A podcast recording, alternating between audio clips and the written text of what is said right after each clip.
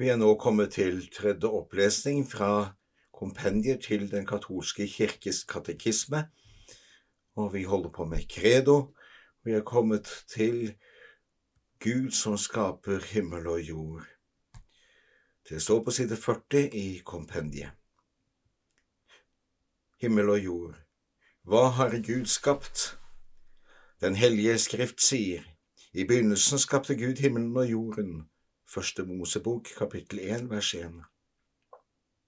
Kirken forkynner i sin trosbekjennelse at Gud er altets skaper. Han har skapt alle synlige og usynlige ting, alle åndelige og legemlige vesener, det vil si englene, den synlige verden og, på en særlig måte, mennesket. Hvem er englene? Englene er rent åndelige skapninger uten legeme, usynlige og udødelige. De er personlige vesener utstyrt med forstand og vilje. Ansikt til ansikt ser de Gud uavlatelig, forherliger ham, tjener ham og er hans budbringere ved oppfyllelsen av hans frelsende misjon til alle mennesker. Hvordan er englene nærværende i kirkens liv? Kirken slutter seg til englene i tilbedelsen av Gud. Den ber om deres bistand og feirer liturgisk minne om enkelte engler. Ved siden av hver trone står en engel som en beskytter og hyrde på veien til livet, den hellige Basilius den store. Hva lærer Den hellige skrift om skapelsen av den synlige verden? Gjennom beretningen om skapelsens seks dager lar Den hellige skrift oss erkjenne det skaptes verdi og dets formål, nemlig lovprisning av Gud og tjeneste for menneskene. Hver eneste ting skylder Gud sin væren. Fra ham mottar de sin godhet og fullkommenhet, sine lover og sin rette plass i universet. Hvilken plass har mennesket i skaperverket? Mennesket er det usynlige skaperverkets endemål, for det er skapt i Guds bilde og likhet. Hva slags forhold består det mellom skapningene? Mellom skapningene finnes det en gudvillet gjensidig avhengighet og rangordning. Samtidig består det mellom skapningene en enhet og solidaritet for de er alle den samme skaper, blir elsket av ham og er bestemt for hans herlighet. Å respektere de lover som er innskrevet i skaperverket, og i akt på de sammenhenger som avledes av tingenes natur, er et klokt prinsipp og en moralens grunnpilar. Hvilke forhold er det mellom skaper og forløsningsverket? Skaperverket når sitt høydepunkt i forløsningens enda større verk. Med forløsningsverket begynner nemlig den nye skapelse, der alt vil finne sin endelige mening og sin fullendelse. Menneske I hvilken betydning er mennesket skapt i Guds bilde? At mennesket er skapt i Guds bilde, betyr at jeg er i stand til fritt å kjenne og elske sin skaper.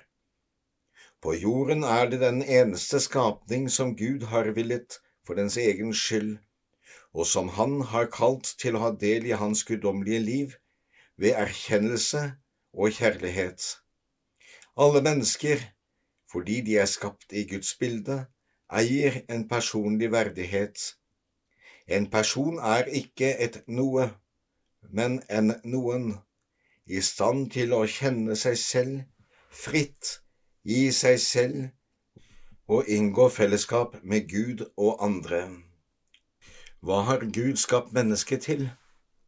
Gud har skapt alt for mennesket, men mennesket selv er skapt til å kjenne Gud, tjene ham og elske ham, til å bære hele skapningen i denne verden fremfor ham i takksigelse, og til å bli oppreist til livet med Gud i himmelen. Menneskets mysterium finner sin sanne belysning alene i det inkarnerte ords mysterium. Mennesket er forutbestemt til trofast å gjengi bildet av Guds sønn som ble menneske, han som fullkomment er den usynlige Guds bilde. Hvorfor utgjør mennesket en enhet? Fordi alle mennesker har sin felles opprinnelse i Gud, utgjør menneskeslekten en enhet. Han har av én og samme rot skapt alle folkeslag. Apostelgjerningene kapittel 17 vers 26. Alle har da én en eneste frelser og er kalt til å ha del i Guds evige salighet. Hvordan utgjør sjel og legeme en enhet i mennesket? Den menneskelige personen er samtidig både legemlig og åndelig. I mennesket utgjør ånd og materie én en eneste natur. Denne enheten er så sterk at det fysiske legemet, på grunn av det åndelige prinsipp som er sjelen, blir et levende menneskelig legeme og har del i gudsbildets verdighet. Hvem gir mennesket sjelen? Den åndelige sjel kommer ikke fra foreldrene, men er direkte skapt av Gud og er udødelig. Den går ikke til grunne når den i døden atskilles fra legemet, og ved den siste oppstandelse vil den på nytt bli forenet med legemet. Hvilke forhold har Gud fastsatt mellom mann og kvinne? Mann og kvinne er skapt i Guds bilde og er innbyrdes likeverdige fordi begge er menneskelige personer. Samtidig er de skapt for gjensidig å utfylle hverandre, fordi de er maskuline og feminine. Gud har villet dem, den ene for den andre, til å danne et fellesskap av personer. Sammen er de også kalt til å gi det menneskelige liv videre, idet de i ekteskapet blir ett kjød. Første Mosebok, kapittel 2, vers 24. Likeledes skal de som Guds forvaltere legge jorden under seg. Hva var Guds opprinnelige plan for mennesket? Ved den første skapelse hadde Gud gitt mann og kvinne en særlig delaktighet i sitt eget guddommelige liv, i hellighet og rettferdighet. Ifølge Guds plan måtte mennesket verken lide eller dø. Videre hersket det en fullkommen harmoni i mennesket selv, mellom skapning og skaper, mellom mann og kvinne og mellom det første menneskeparet og hele skapningen. Syndefallet Hvordan skal vi forstå syndens virkelighet? Synden er til stede i menneskehetens historie. Denne virkeligheten viser seg fullt ut først i lyset av den guddommelige åpenbaring, og fremfor alt i lyset av Kristus, alle menneskers frelser.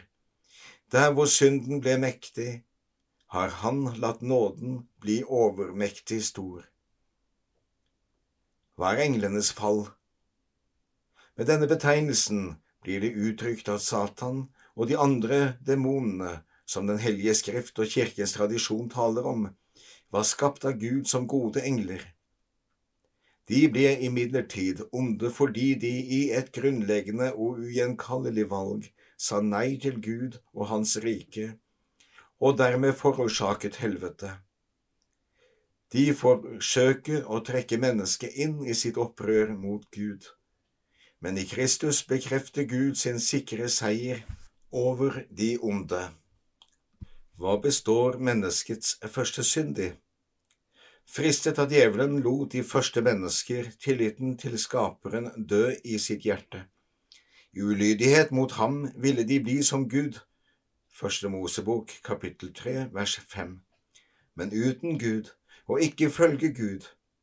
Således mistet Adam og Eva på stedet den opprinnelige hellighets- og rettferdighetsnåde for seg selv og alle sine etterkommere. Hva er arvesynden? Arvesynden eller den opprinnelige synd, blir alle mennesker født inn i. Det er en tilstand av mangel på den opprinnelige hellighet og rettferdighet.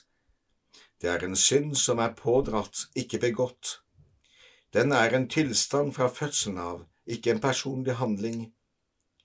På grunn av alle menneskers enhet i opprinnelsen blir arvesynden overført til Adams etterkommere med den menneskelige natur, ikke ved etterfølgelse, men ved forplantning.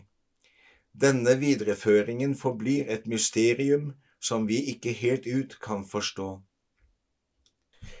Hvilke videre følger får arvesynden? Som en følge av arvesynden er den menneskelige natur riktignok ikke fullstendig fordervet, men den er svekket i sine naturlige krefter. Den er underlagt uvitenhet, lidelse og dødens herredømme, og har en tilbøyelighet til å synde. Denne tilbøyeligheten kalles den onde lyst, konkupiskentia. Hva har Gud gjort etter den første synd? Etter den første synd ble verden oversvømt av synder.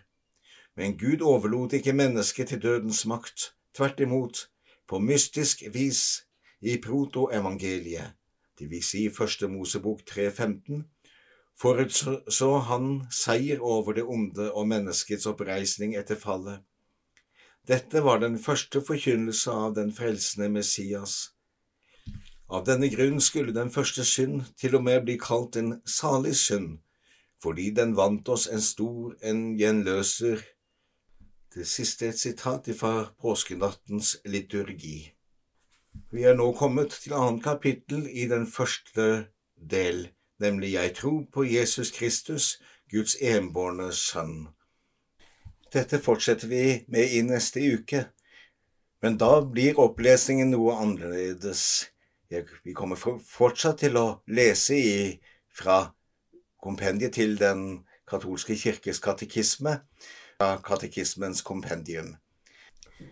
Fra neste uke av har jeg fått med meg Reidun Jofrid Kleppestrand, som er kateketkoordinator i St. Paul menighet i Bergen, og vi vil samtale om de ulike leddene i katekismen etter vi har lest fra den. Da høres vi neste uke.